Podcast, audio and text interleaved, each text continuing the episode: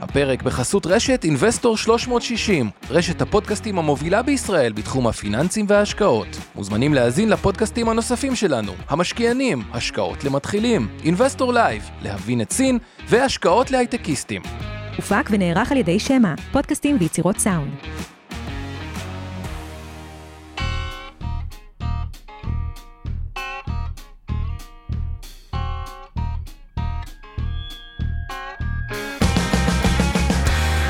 המשקיענים אבנר סטפאק ועומר רבינוביץ' בשיחה חופשית על התחומים החמים ביותר בעולם ההשקעות.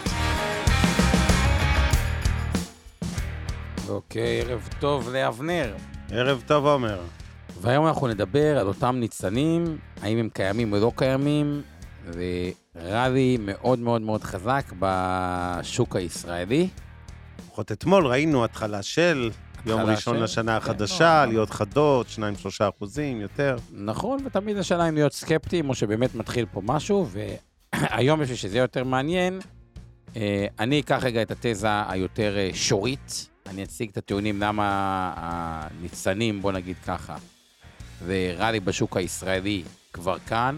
כמובן צריך, אה, אתם יודעים, כמו כל שתילים שנזרעים, דשן ומים והכול, ועוד דברים יכולים אה, to go wrong, אבל למה הניצנים כבר אה, כאן, ניתן את התזה המלאה, ובכל אחת מהנקודות אה, תסתור אותי, או תסכים, או תוסיף עוד אינפוט. אה, ומשם נצא אה, לדרך. כמובן, נעשה גם פינת המכפילים, נעשה קצת סיכומי סוף שנה על מה היה התשואות בשווקים המרכזיים, אבל אה, נראה לי נתחיל מהמנה העיקרית, או ש... נתחיל מהמנה העיקרית. מה אתה קורא המנה העיקרית? לא, התזה, האם אנחנו באמת בתחילתו של... אה, אוקיי, אז כן כבר, רק לפני זה נגיד תודה רבה מאוד לשיר פלדמן, האלופה שעושה לנו את התמנול, וכל פעם אני שוכח אה, להזכיר אותה. זה לא יפה. יאללה, נתחיל. יאללה. אז אה, ככה, אז בואו נתחיל מהנקודה הראשונה, אה, והיא לתקוף את זה בהרכב המדד. בסוף, אם נסתכל על אה, תל אביב 125, נוסיף לו את תל אביב 60.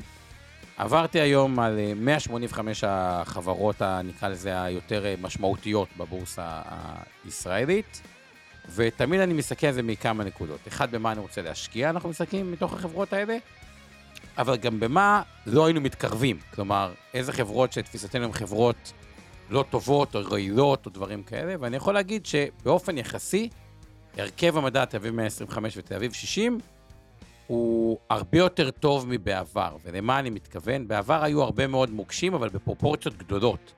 חברות כמו אופקו, שאיכשהו נכנסה לשוק הישראלי, וטבע, שהיא כבר לא בדיוק ישראלית, כן. ועשה את הרכישה, אה, ופריגו, אה, כן. וחברות אה, קטנות אה, אה, שב-2021 איכשהו הצליחו להשתחל לבורסה בכל תקופת ההייפ, והיו חברות, איך אני אכנה אותן בשפה יפה? junk. junk, אוקיי, שהשתחל פה וקיבל שווים מאוד גדולים. והיום כשאני מסתכל על 185 החברות, פורט תל אביב 125 ותל אביב 60, וואלה, אתה אומר, אחלה חברות, כאילו בגדול, אוקיי? כלומר, אין פה הרבה ג'אנקייה, אלא יש מדד שהוא מדד אה, איכותי ברמה החברה הבודדת. אה, וזה כבר תזה אחת שהיא מאוד חיובית. אתה רוצה להגיד משהו לגבי זה? אה, לא, לא. אוקיי, נקסט. הטיעון השני הוא הטיעון של ידיים חזקות מול ידיים חלשות. בתקופה האחרונה הארוכה, כל מי שהיה לו תזה אנטי-ישראלית בגלל, לא חסר סיבות למה אתה אומר, וואלה, אני מסתכל ישראל מבחוץ, למה זה לא השקעה טובה, הוא כבר לא פה. כלומר, גם אם הוא ממש- ממשיך להחזיק ב, אה, בדעותיו, שישראל היא גרועה, זה לא משנה. אין לו סחורה פה, אז הוא לא יכול למכור. נכון. כלומר, גם אם אני חושב משהו לא טוב על סין, אבל אני מחזיק אפס מניות בסין, אני לא רלוונטי. נכון. פשוט, אני לא מוכר. מי שנשאר פה, זה מישהו שכבר מכיר את כל המורכבות, והחליט ל, אה, אה, להישאר, וכנראה שהוא יד הרבה יותר חזקה. כלומר, מי שסתם מחזיק אה, מוסדי שהחליט לקנות בנקים, כי הוא חושב שמערכת הבנקים בישראל היא טובה, ובעוד עשר שנים הוא יראה איזה רווח, אז הוא נשאר, לא משנה, זה לא קשור אה, עכשיו אה, מלחמה קצת אה, אה, הולכת יותר קשה, יותר קל. הוא אסטרטגית פה, ואני חושב שהיחס של ידיים חזקות פה לעומת ידיים חלשות, הוא הרבה יותר לטובת הידיים החזקות. משהו לגבי הנקודה הזאת? אה, כן, שאני מסכים איתה, וזו נקודה חשובה. המוסדיים, שזה ידיים החזקות העיקריות של שוק המניות התל אביבי, נמצאים ב... נקרא לזה סוג של תמימות דעים שהשוק פה אטרקטיבי, כמו שאנחנו כבר אומרים, אה, תקופה ארוכה, מכפיל השוק הזה עוד הרבה לפני המלחמה היה בפיגור עמוק אחרי רוב שוקי העולם בשנים האחרונות. לא חשוב כל הסיבות ההיסטוריות, אבל זו עובדה, אנחנו מכפילים מאוד נמוכים, כמו שאנחנו תמיד מראים לכם בפינת המכפילים, ולכן באמת אין את ההיצע הזה, זאת אומרת, המוסדיים, צריך לקרות משהו מאוד מאוד קיצוני כדי שהם ימכרו כרגע מניות. כן, כן. כרגע יש, הם מאוד לונגיסטים בגדול. כן, עכשיו זה שוק עם שכירות נמוכה. ברגע שיש קצת יותר ביקושים של ריטייל, של זרים, של זה, וכרגע זרים, צריך להגיד בכנות, לא מסתערים על ישראל בגלל הסיטואציה והמלחמה, אז uh, מתישהו, uh, עם קצת ביקוש, כולל קצת הגדלה של מוסדיים, זה יכול בהחלט לתדלק עליות בשוק המקומי. עכשיו, אני רוצה להוסיף, זה לא רק המוסדיים. גם הריטייל שנשארו בשוק הישראלי, זה הידיים החזקות של הריטייל. כלומר, מי שפחד פה ברח לשוויץ, לחו"ל, לזה, רצה, הוא עוד פעם, הוא לא רלוונטי.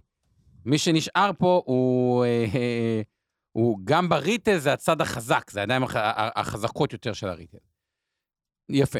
נקודה אה, הבאה, תמחור נגעת, אג"ח. וזה גם, גם נוגע למה אני חושב שלהעריך מח"מ בישראל זה עושה אה, היגיון יותר מאשר בחו"ל.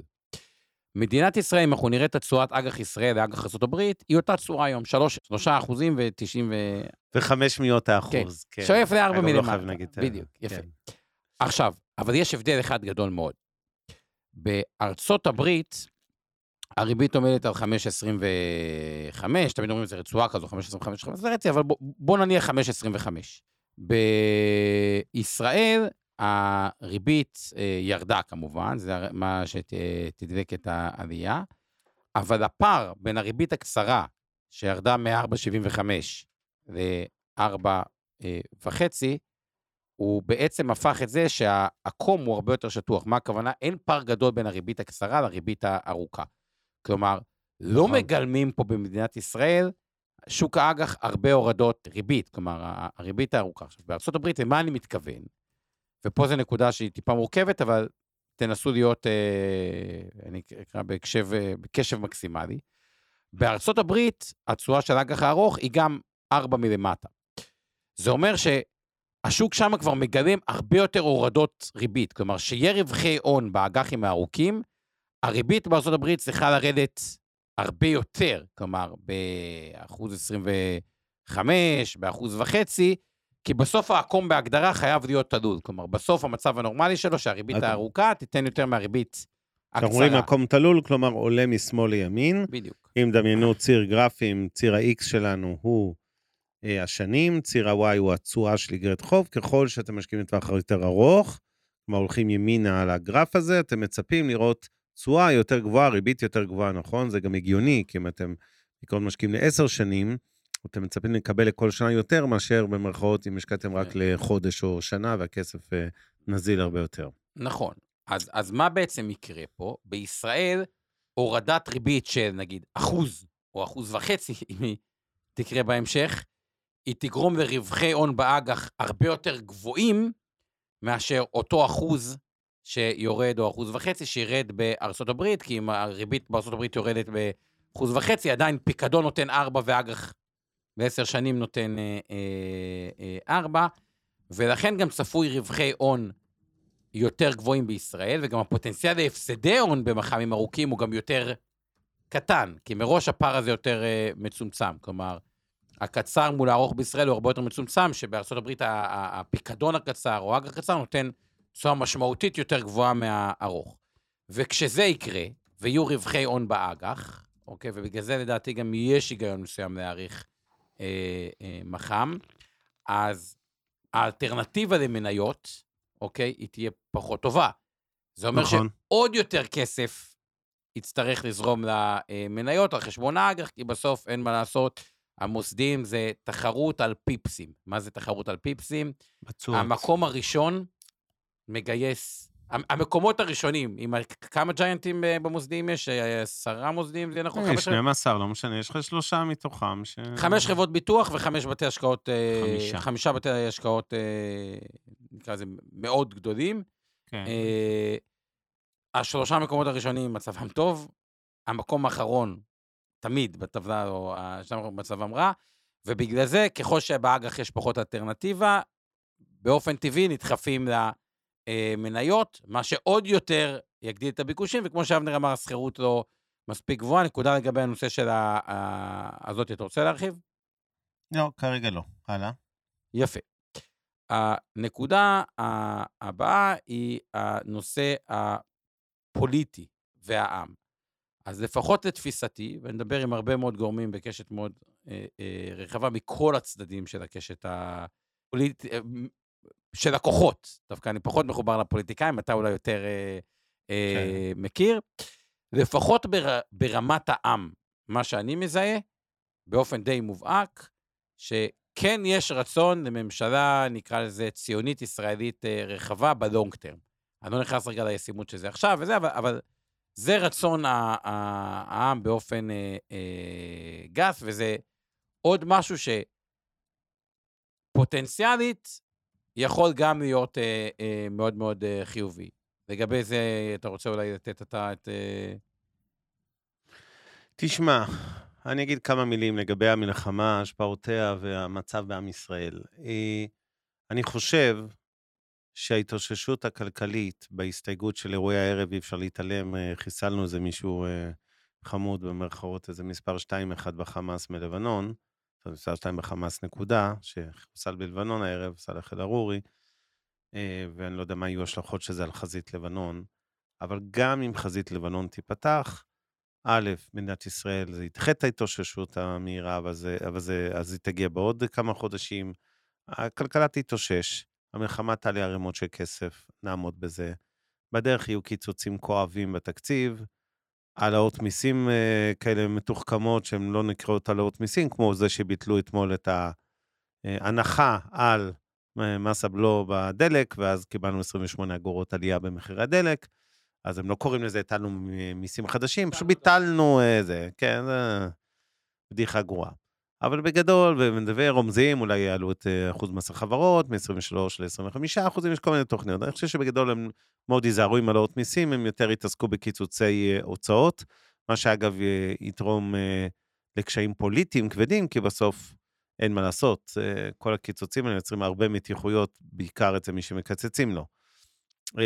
ולכן, אני חושב שבסופו של דבר, ימי הממשלה הזו ספורים, גם בהיבט של החיבור הזה עם גנץ ואייזנקוט, ו, ו, וגם אה, אם לא, זאת אומרת, זה ברור שהוא לא יישאר שם עוד הרבה זמן, באיזשהו שלב, אני לא יודע מתי, יהיו בחירות, זה לא בעוד ארבע שנים. עכשיו- אה, אני מאוד יופתע אם בבחירות הבאות, מאוד אופתע אם בבחירות הבאות זה לא ייסגר בסוף בממשלת אחדות. מסכים, כזו או מסכים איתך אחרת. שזה התרחיש המרכזי. כן. זה, זה, זה התרחיש ה- זה התרחיש המרכזי. וגם ממשלת אחדות שעוסקת בעשייה ויותר ב... עכשיו, אני רוצה להגיד משהו על זה. אנחנו תמיד אומרים, אה, עשינו אינסוף משדרים בשלוש וחצי שנים אה, של קיומנו פה, שמראים לכם שאירועים גיאופוליטיים לא משפיעים על הבורסה, ובחירות לא משפיעות על הבורסה, והנה עברנו איזה חמש-שש מערכות בחירות בשנים האחרונות, וראיתם, לא קרה שום דבר על הבורסה וכולי. פה אני כן חושב שבחירות, לא משנה מה בדיוק תהיה התוצאה שלהם, א', יתדלקו עליות בשווקים, הפעם, אה, כי יש איזה צמא לשינוי, ב', וגם אם זה ייגמר, אגב, בממשלת אחדות כזו, כמו שאתה מתאר, גם אם זה ממשלת תיאורטית ימין, כן, ולא אה, אחדות. אה, אני חושב שאנחנו אה, נראה עליות. אם זה יהיה ממשלת אחדות, יהיה יותר קל, כי הם יודעים יותר טוב לטפל בכלכלה בתקציב, כי אין את כל, ה- כל השיקולים הסקטוריאליים, בוא נגיד, יורדים מדרגה לעומת היום, שאין ברירה אלא לטפל בסקטורים. עכשיו, כל הסוגריים הפוליטיים שפתחתי זה כדי להגיד שבשורה התחתונה, הפעם הפוליטיקה ב-24 כן תשפיע, ולהערכתי לחיוב, על אה, שוק ההון, זה אחד. שתיים, אני צופה התאוששות יחסית מהירה בכלכלה הריאלית של ישראל. ושלוש, אני חושב שזה יוביל יח... בוא נגיד ככה, לתשואה עודפת, אני לא רוצה להגיד עליות, כי אנחנו לא יודעים אגב, מה ה- יקרה בחו"ל, כן, בסוף אנחנו נמדדים, תזכרו, מול ה-S&P 500, מול הנסדק, לא, מול אירופה אז- וכולי. אז אני רק לא מסכים איתך לגמרי, כי, כי זה לא משנה מה יקרה בחו"ל, כשאתה מחפש טבע, הרי בסופו של דבר, בן אדם קונה בסופר עם כסף. נגיד השוק הישראלי יעשה 20 אחוז, והאמריקאי יעשה 30 אחוז, מה זה משנה, הוא הרוויח 20 אחוז, כלומר... רוב לא, עזוב, לא- עזוב שנייה, אני לא מתווכח על זה. כל מה שאני אומר, להערכתי השנה זו שנה של סגירת או צמצום הפערים לטובת הבורסה בתל אביב. אוקיי, מעולה. כלומר, אם נראה עליות של, סתם אני זורק חמישה אחוזים בחו"ל, אני חושב שפה נראה עליות משמעותית יותר גבוהות, ואם נראה אה, ירידות חדות אה, השנה בחו"ל מאיזושהי סיבה, אז אצלנו ירד יותר מתון. בין היתר, כי אנחנו מתחילים מנקודה פתיחה נמוכה, בין היתר כי כשיריחו סוף למלחמה הזאת, או לחלק המהותי של המלחמה הזו, ואנחנו עוד לא שם, אבל זה עניין של חודשים כנראה, ואם יהיה חיזבאללה, זה עדיין עניין של, אה, נקרא לזה לתוך 24 אי שם.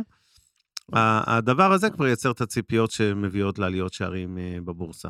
יופי. בואו נמשיך עם הנקודה הבאה, כן. שהיא תיק הנכסים הפיננסיים של הציבור. אגב, מי שרוצה אה, לעשות את זה, שיעשה, אה, שיעשה פשוט בגוגל, ירשום אה, תיק הנכסים של הציבור, ייכנס לאתר בנק ישראל, ובתוך אתר בנק ישראל יש תיק הנכסים של הציבור, ונפתח איזשהו גרף. יש גם אקסל וגם כגרף. עכשיו, הגרף הזה הוא גרף עולה, מדהים, כלומר, זה כמו שרואים לפעמים בקרן כספית מה התשואה שלה, זה מין פיקדון שעולה כזה לאט, לאט, לאט, כן. לאט, לאט. נכון, כל יום. אז תחשבו על זה כמו פיקדון על סטרואידים. מה הכוונה פיקדון על סטרואידים?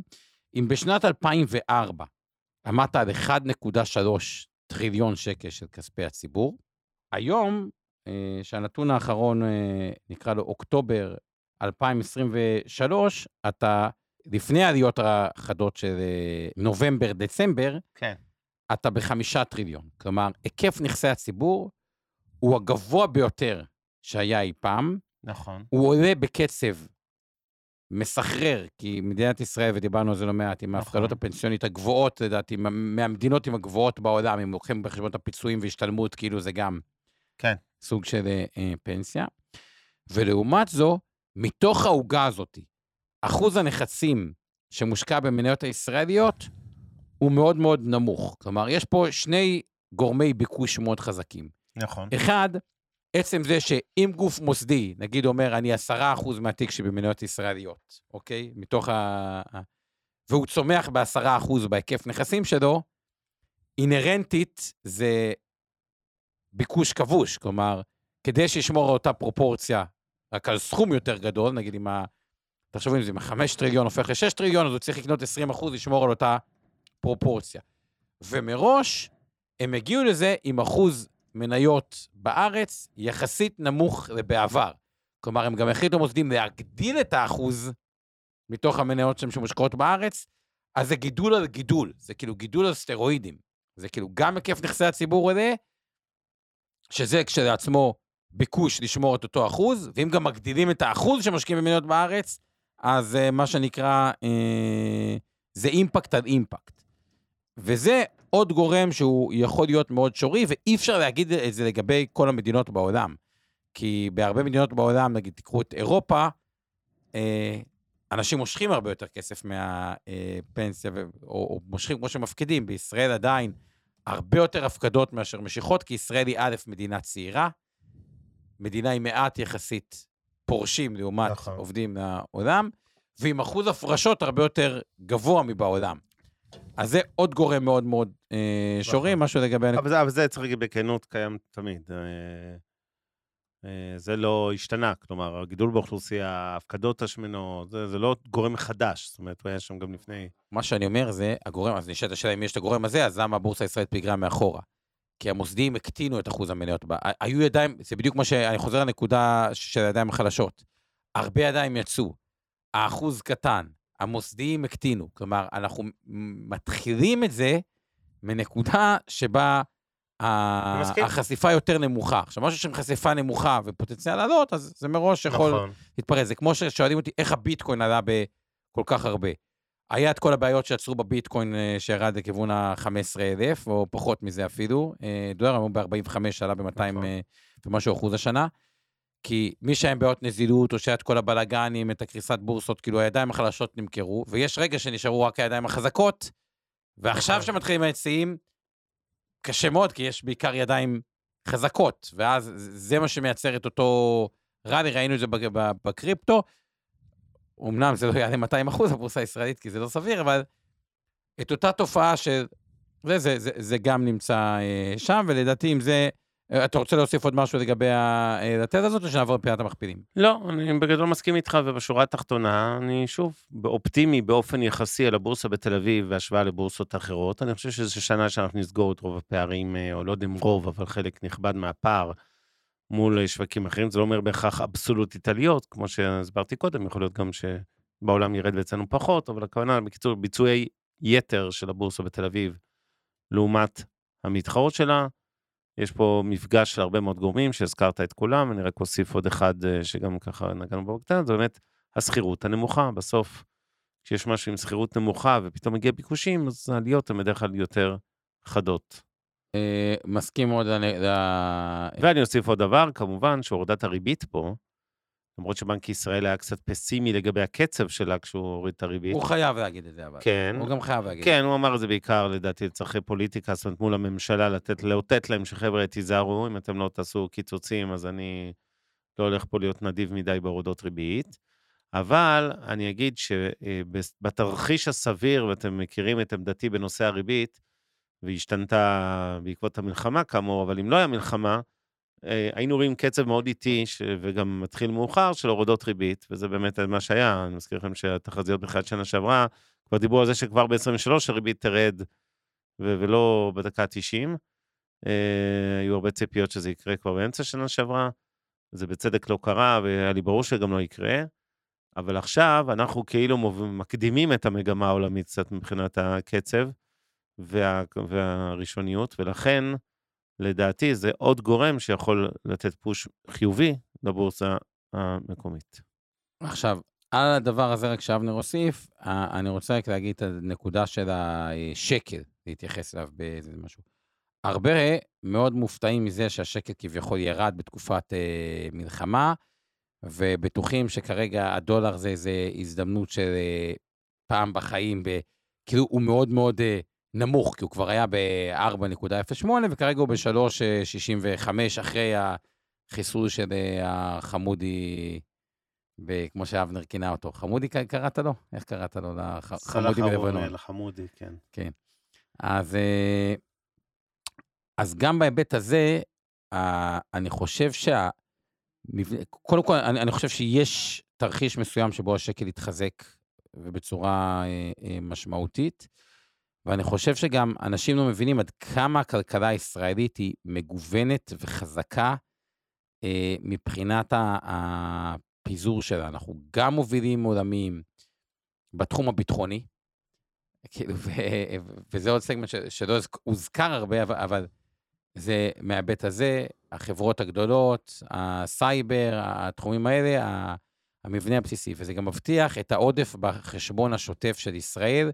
גם אם יש קצת פחות השקעות בסטארט-אפים, זה לא כזה big deal, עדיין העובד בגוגל, מייקרוסופט וכו', מצפה לקבל את המשכורת אה, איפשהו בין הראשון לעשירי לחודש, וזה להמיר דולרים אה, אה, לשקלים. ועוד נקודה שגם אותה ציינו, ככל שהמוסדיים גדלים, הם צריכים אה, לגדר יותר, כלומר, הפרופורציה שהם צריכים לגדר, כלומר, גידור זה באיזשהו מקום למכור דולרים ולקנות שקלים, גם אה, עולה, ואני לא בטוח שה... כלומר, צריך להיות מאוזנים, גם דולרים, גם שקלים, אבל אני לא בטוח שזה... יש גם סבירות שהשקל יתחזק מכאן. תשמע, אני מזכיר לך, היינו, וזה המקום להזכיר בכל זאת שעוד אקטואליה, וזה כל ענייני הרפורמה ובג"ץ עילת הסבירות וכולי. היינו בסיטואציה שהשקל היה גבוה ערב המלחמה בכ-40-42 אגורות, לעומת השער הנכון שלו, הטבעי שלו, זה שאתם זוכרים, תמיד מראים לכם את ה-S&P 500 ה- והקורלציה ההיסטורית שתחזור אגב. ושתיים, אה, המלחמה עוד יותר תדלקה אותו למעלה, בשיא ראינו 4.08. היה ברור שהמשקולת הבסיסית היא למטה. עכשיו, אם מחר יהיה, כן, אירוע חיזבאללה יותר משמעותי, הוא כמובן שהדולר יזנק חזרה חלק מהדרך, לא, לא את כולה. אבל בבסיס, הדולר, אפילו היום, עוד לא בנקודת שיווי משקל, הוא גבוה מדי מול השקל, ולדעתי, אם הכל יהיה סביר, מתי שיירגע פה, לא משנה אם זה במיידי, בחודש אה, או שלושה חודשים הקרובים, או שזה יהיה בעוד חצי שנה, הדולר יחזור לרמות היותר נמוכות שראינו בעבר. שוב, בהנחה שבעולם, כמובן, זה הכל תלוי איפה הוא בעולם, אבל בואו נניח שאין איזה שינוי דרמטי בדולר בעולם, בישראל אנחנו נראה את השקל, לדעתי, ממשיך להתחזק. באמת גיוקים עקב אירועים ביטחוניים כאלה ואחרים שהדולר יזנק. בכללי המגמה היא יותר כרגע למטה מאשר למעלה, ושוב, רק כי אנחנו כרגע בנקודת אה, לא איזון, נקרא לה.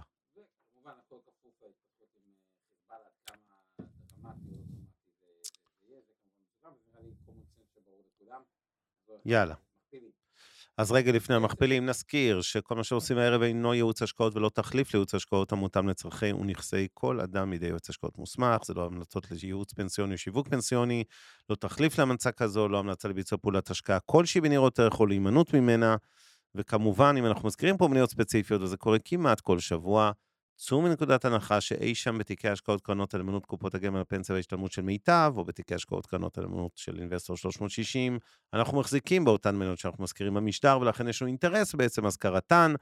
זה הזמן להגיד תודה רבה למפיקה שלנו, טובה שמאנוב, שיושבת איתנו באולפן, לצוות שלך, אורן ברסקי, עמי ארביב ואור חלמיש, על העזרה, ועכשיו פינת המכפילים. אז מה שמאפיין בעיקר זה ה snp עוד פעם נושק למכפיל 20, העתידי, הנוכחי הוא תמיד יותר גבוה, אבל אנחנו מתייחסים בחו"ל בעיקר לעתידי.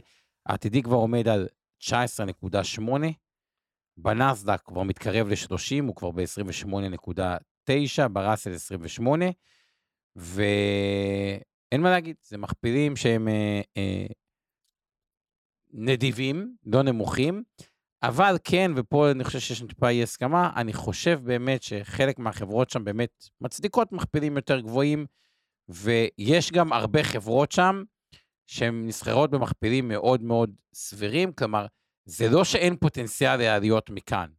זה אומר שתחת ההנחה שהגדולות מצדיקות מכפיל קצת יותר גבוה, עדיין הקטנות בינוניות יש איזשהו מקום אה, לעשות מהלך כלפי אה, מעלה ולדחוף אה, את השוק, וגם הגדולות, סך הכל הם הוכיחו שהעולם אה, הלך, עדיין הולך למקום של אה, ככל שהוא יותר קישורי, פתרונות שהם יותר קונסוליזציה, פתרון שהוא יותר קונסוליזציה, בהגדרה מחזק את החזק.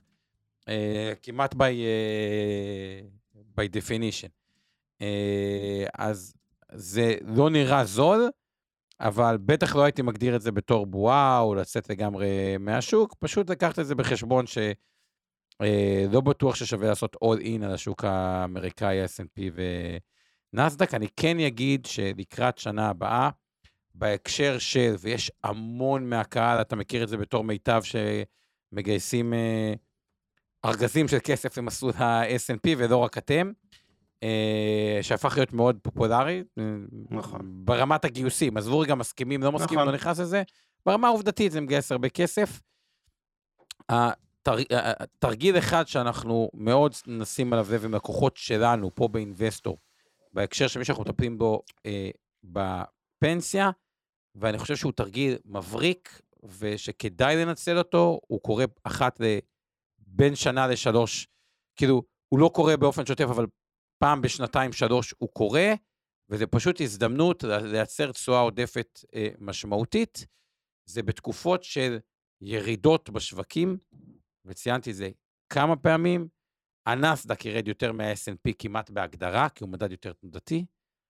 הדולר בירידות כמעט בהגדרה מתחזק, ראינו את זה הפעם האחרונה בקורונה, נגיד, זה היה mm-hmm. מובהק, ושעוברים מה snp לנסדק השקלי, אתם עושים מעצמכם משהו מדהים, שזה לקנות את הנסדק בנמוך שלו. תסתכלו על הקורונה, ירד משמעותית יותר מה snp ולמכור דולרים בגבוה שלהם, באזור של ה-3.8, 3.9, 4, ולהפוך אותם לשקלים. ו... זה מין משחק שהוא מאוד מאוד יפה לעשות אותו בפנסיה, בשביל לייצר תשואה עודפת משמעותית, אז כאילו זה לא רק S&P, זה S&P ונסדק שקלי, ויש איזה משחק מאוד מאוד יפה שאפשר לעשות ביניהם. אגב, משהו לגבי המשחק מבחינה כלכלית, אתה מסכים עם זה, או שאתה... מעבר בתקופה של ירידות חזקות מה snp לנסדק שקלי. אתה חושב שזה צעד חכם? תראה, קודם כל השקלי יותר חכם מדולרי בעיניי, בגלל בדיוק מה שאמרתי קודם. אה, אגב, יש עוד סיבות, אבל זה צריך להסתכל על היקף התיק הכולל של הלקוח וכמה הוא חשוף גם ככה לדולר. אבל בבסיס אנחנו אמורים להיות אה, כמובן יותר שקליים.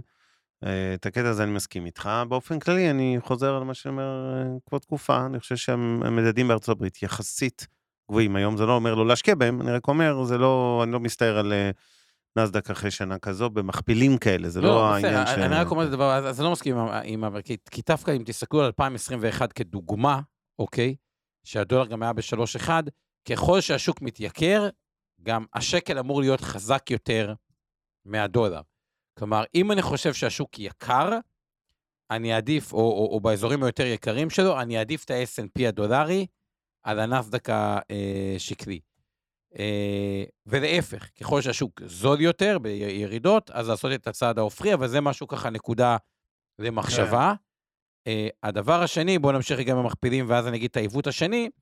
אז הרס אה, אה, אירופה, גרמניה, בריטניה, צרפת, באזור מכפילי 11, אה, גרמניה 11, בריטניה 11, צרפת 13 על העתידי, וישראל שלנו, אה, מכפילי אה, תל אביב 35, 12, תל אביב 90, 13, SME 60, 11. אני יכול להגיד לכם שהיום עברתי כמעט על כל החברות של ת, תל אביב 60. יש שם בניגוד לפעם, שאני אומר, היו חברות מצוינות וחברות ג'אנק, המדד הזה היום גם יכול להפתיע מאוד מאוד uh, לטובה, הוא בנוי טוב. כלומר, mm-hmm. יש שם הרבה מאוד חברות, גם בתל אביב 60, שבנוי uh, uh, בצורה uh, טובה מאוד. אגב, אני אתן רק איזה שתי uh, טיפים תמיד מעניינים. אפשר להסתכל תמיד על החברות הרי עיקר הביקושים הוא מן הסתם בתל אביב 125, כי זה מדד הרבה יותר גדול מתל אביב 60, מיותר לציין את זה, זה ברור. תמיד, שימו לב, החברות הגדולות, מה שראינו שנה שעברה זה היה מדהים, יש חברה בשם Next Vision, שעלתה איזה 300 אחוז, ואני לא יודע אם עכשיו היא כבר במכפיל לא נמוך, אוקיי? כן, כן, כן. אבל היא הייתה חברת אה, יתר בתל אביב 60. עכשיו, מה שקורה, ברגע שהיא עלתה, כבר הבינו שהיא גם תיכנס לתל אביב 125. ואז כאילו החברות הגדולות בתל אביב 60, מי שמועמדת להיכנס לתל אביב 125 זה כאילו ביקוש על ביקוש. כן. כאילו, היא גם עלתה, כנראה שמשהו טוב אה, קורה שם, וגם יש סיכוי שתיכנס ל-125, וזה סתם, נקודה ככה למחשבה, נמשיך הלאה. כן. תשואות האג"ח, אה, הודו ב-21, סין 8.8, מאוד מאוד זולה, אין מה להגיד, סין מאוד, נראית מאוד זול מבחינת המכפילים, יפן 13.6, שימו לב, תשואות האג"ח, אה, ארה"ב ואנחנו זה זהה בדיוק 3.95, באירופה, אה, גרמניה כבר לא נותנת 0, זה כבר 2.1, בריטניה 3.7, וצרפת 2.6. משהו שאתה רוצה להגיד לגבי המכפילים? אה, לא, כרגיל תמונה דומה, ארה"ב יקרה, ישראל ואירופה הרבה יותר זולות כמובן, גם אסיה ברובה למעט הודו. אני כן מייחס לזה איזשהו משקל בהחלטות ההשקעה שלי, אה, ו... ואני רוצה שלא אה, להגזים בחשיפה לשוק האמריקאי עם כל ההתאוששות המהירה של הכלכלה שם וכולי, והדוחות הטובים. אני... יש פה איזה ארביטראז' לא סביר בעיניי במכפילים של המדדים האמריקאים לעומת יתר העולם, ולכן אני מעדיף להגדיל את יתר העולם על חשבון ארצות הברית. אוקיי, מבחינת תשואות שמסתכלים קצת אחורה, אגב, שנה האחרונה נסדק 55 אחוז, לא, נתקלתי בכתבה אחת, חזרתי ל-2023, שבכלל דמיינו כן. שהנסדק ייתן השעה 55 אחוז, מראה כמה חשוב לא לתזמן את השווקים, זה, זה התשואה הכי טובה משנת 1999, לדעתי, שהייתה לה... לנסדק בשנה אחת, אבל זה, זה, זה מספר דמיוני, 55 אחוז אה, גם ה-S&P 26 אחוז, זה מספר מטורף. כלומר, אין איזה... מספרים מטורפים, ושוב, זה מראה כמה חשוב לא לתזמן, כי כל אמרו, הריבית גבוהה, יש אלטרנטיבה, זה לא אה, קשה לעלות, אבל ברמה העובדתית טעו, אוקיי? וזה עוד פעם חוזר לנקודה של כן לעשות הערכות מושכלות, לא לעשות אפס או אה, אחד, זה משהו שהוא מאוד מאוד אה, אה, חשוב. ושימו לב, הקיצוניות השנייה, סין עם מינוס 10 2023, ועם תשואה של 11% בלבד בחמש אה, אה, שנים. זה כביכול המאכזבת, וישראל היא התאוששה קצת בתחילת כן. 2023, אה, אבל עדיין יחסית אה, מתחת אזורית. אני, אני רק אגיד עוד מילה, כי שואלים אותנו פה בצ'אט לגבי גרמניה.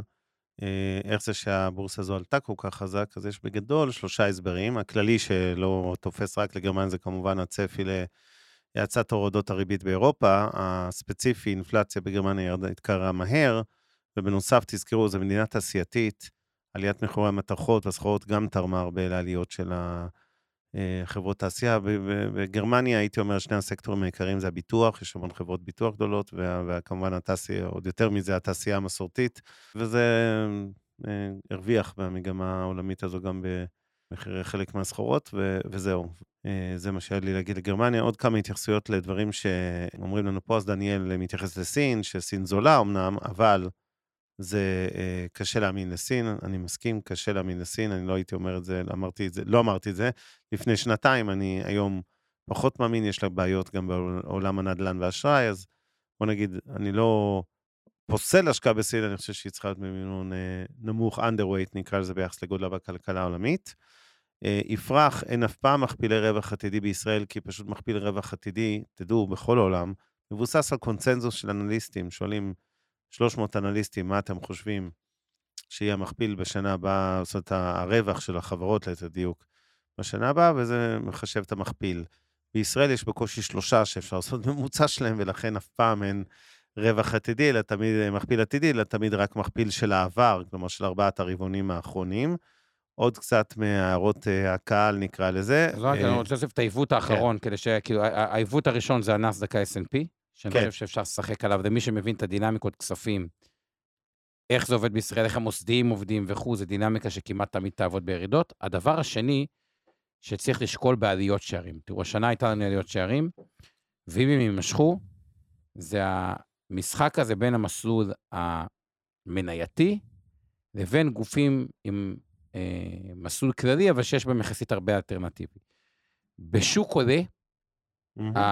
החברות עם אחוז מניות הגבוה, ונקרא לזה באופן יחסי, אחוז הנכסים הלא שכירים היותר נמוך, כנראה יעשו את התשואה העודפת. כי מראש גופים עם נכסים לא שכירים, עם יותר נכסים לא שכירים, גם בדרך כלל לוקחים אחוז מניות קצת יותר נמוך. ולכן כשהנסדק עושה 55 אחוז וה-SLP 26 אחוז, הגופים בלי האלטרנטיבי, במסלול הכללי, עושים את התשואה הגבוהה ביותר. עכשיו, מה הרבה פעמים הטעות לדעתי של הציבור? ובסוף אין מה לעשות. סוכנים מוכרים מה שקל להם למכור, ואני אומר את זה דווקא כאחד שגם יש לו בעלים של סוכנות, אוקיי? ומה שקל למכור זה מי שעשה את התשואות אחורה, הטובות ביותר.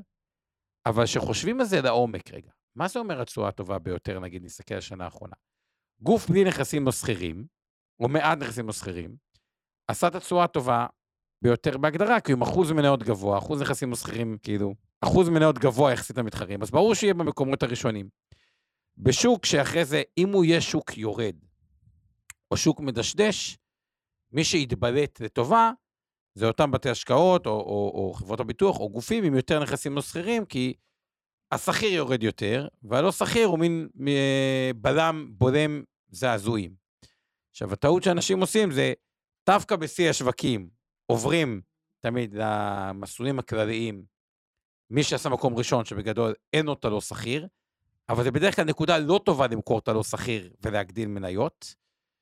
אה, ובשוק, כאילו, צריך באיזשהו מקום, אני אומר רק את הדבר, ומה שצריך לעשות, הוא ככל שאתם חושבים שהשוק השכיר נהיה יקר יותר מבחינת מכפילים, דווקא יש מקום לעבור ממסלול מנייתי וגופים שהם ממסלול, אה, במסלול כללי עם יחסית יותר השקעות לא שכירות. למה אני מדגיש את זה, וזה כל כך לא אינטואיטיבי, אוקיי?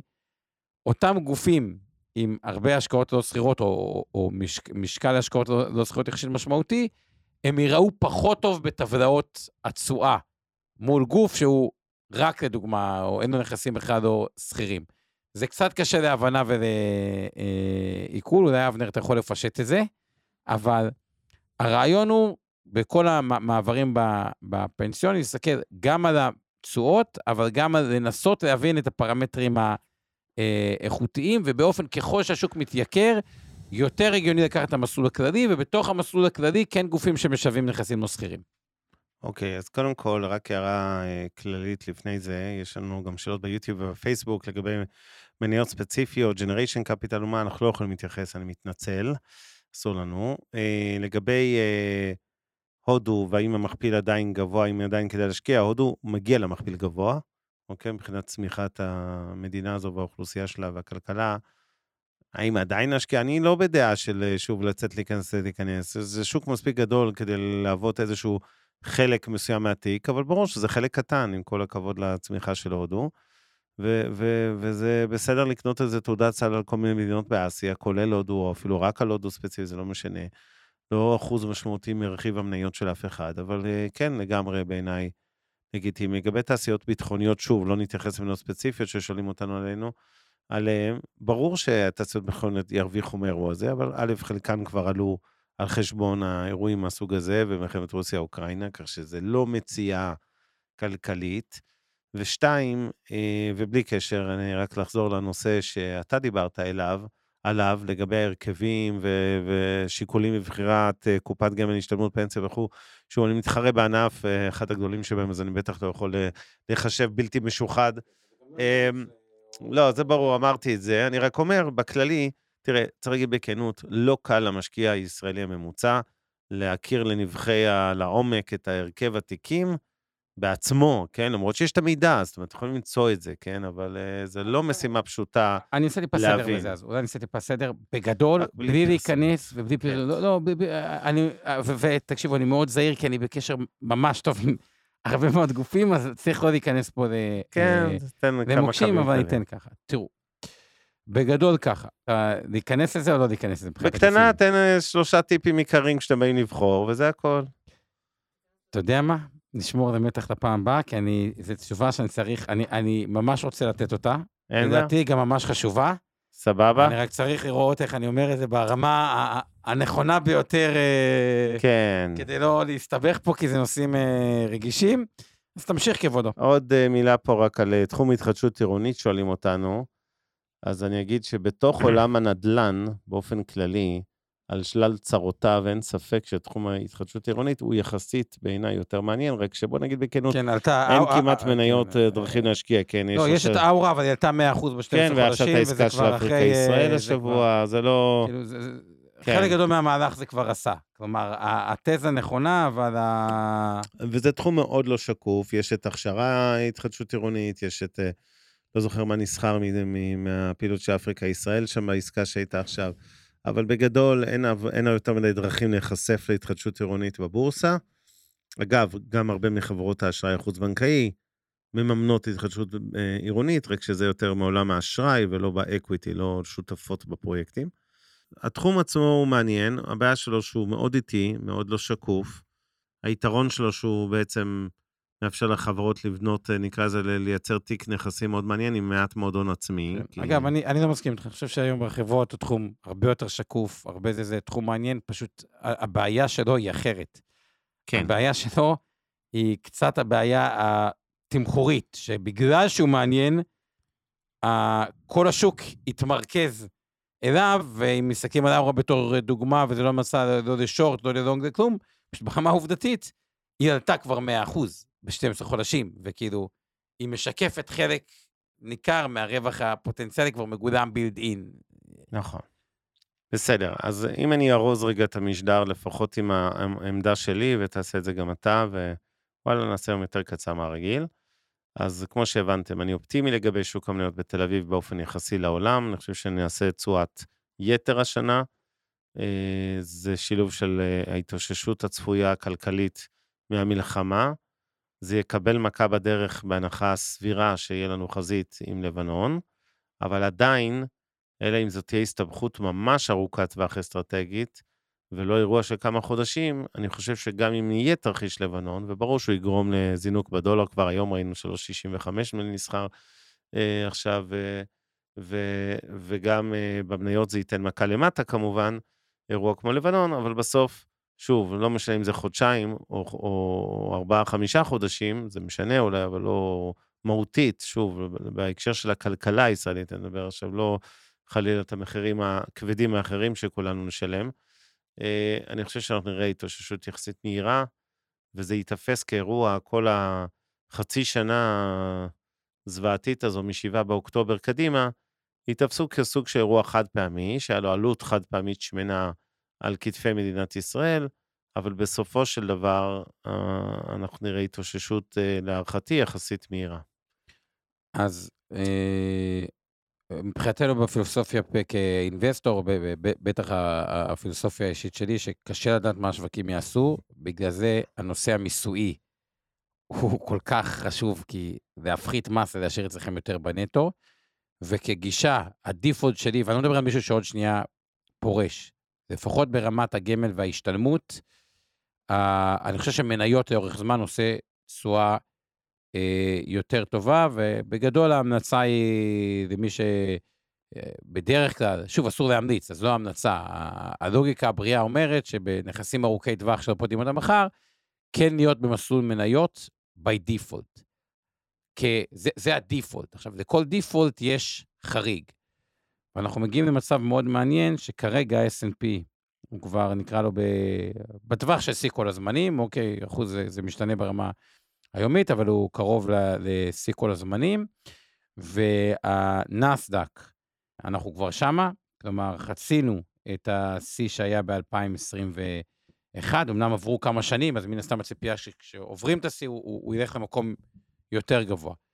אבל ככל שנלך צפונה מהשיא, כלומר למעלה מהשיא, שזה לא יהיה עברנו את השיא או הגענו לשיא כל הזמנים, תזכרו, גם ב-2008 היה נפילה, וב-2011, כשזה הגיע לשיא כל הזמנים, כולם היו בטוחים שכאילו, די, זה הרגע לברוח מהשוק, ואז קיבלנו עוד, ליטרלי, מאות אחוזים של עלייה, כי אנחנו מאוד מאוד רחוקים מאיפה שהיינו ב-2009, אז הרעיון הוא כזה, ככל שאנחנו נעלה יותר מהשיא, יהיה מקום לשקול לעבור עם הנכסים בקרנות ההשתלמות ובפנסיה, אה, לכיוון אולי המסלול הכללי על חשבון המנייתי, בחלק אגב, כל זה פרופורציות, ויותר אה, היגיון לעבור מכיוון הנסדק, אוקיי, שזה מה שבכלל נתן את התשואה העודפת ומכפילים הכי נדיבים, יותר לכיוון ה-S&P דווקא. הטריק פה, וכל אחד צריך לעשות הכנה טובה מאוד, הכנה מנטלית, תקשיבו, אני עשיתי את זה עם אנשים, ולא הכנתי אותה מספיק מנטלית, ובמהלך הקורונה, מי שעבר לפני זה, ממסלול מנייתי למסלול כללי, אמרתי לו, חבריקו, זה הרגע. באמת, לכולם, כל מי שדיבר איתי במרץ, אמרתי לו, זה הרגע. אתה חוזר במסלול הכללי, למסלול המנייתי. והרבה מאוד פשוט אמרו לי, עומר, אני לא מסוגל. אני לא מסוגל. אני לא מסוגל. אגב, חלקם היום אומרים לי, עומר, אני לא רוצה לדעת, תעשה את זה בלי אישורי.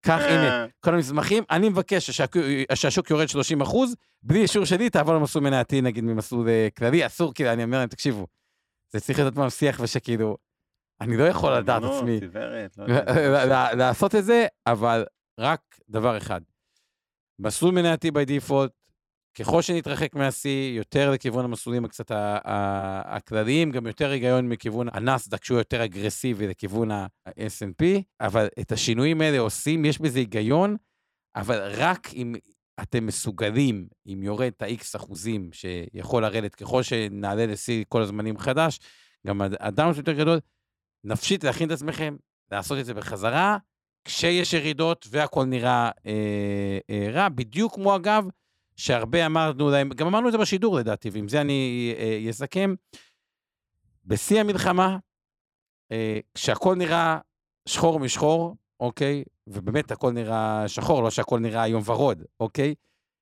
זה הרגע להגדיל מניות אה, בישראל, והרבה אמרו לי, אני לא מסוגל, בוא נראה מה קורה. בוא נראה מה קורה עם לבנון, בוא נראה מה קורה עם זה, בוא נראה מה קורה עם זה. אבל בתכלס, כששואלים אותי על מה משלמים לי, כאילו, מה, מה הדבר הכי חשוב של מה משלמים, לא ליצרן, אלא למתכנן, כי יצרן משלמים בשביל לנהל את הכסף.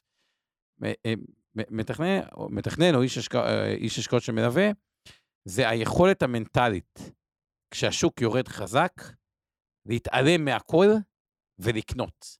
זה באמת משימה שמנטלית היא לא פשוטה, אבל היכולת לקנות אג"חים ארוכים, כשהאג"חים נפלו והפרמיות עולות, היכולת לקנות מניות כאילו בירידות היא היכולת, אגב, בגלל זה אני מאוד ממליץ שמי שמלווה אתכם בעולם ההשקעות, מתכנן וזה, הוא בן אדם פרנואידי, זה, יש עם זה בעיה אינהרנטית, אבל אני שם את זה בצד, זה הסיכום שלי.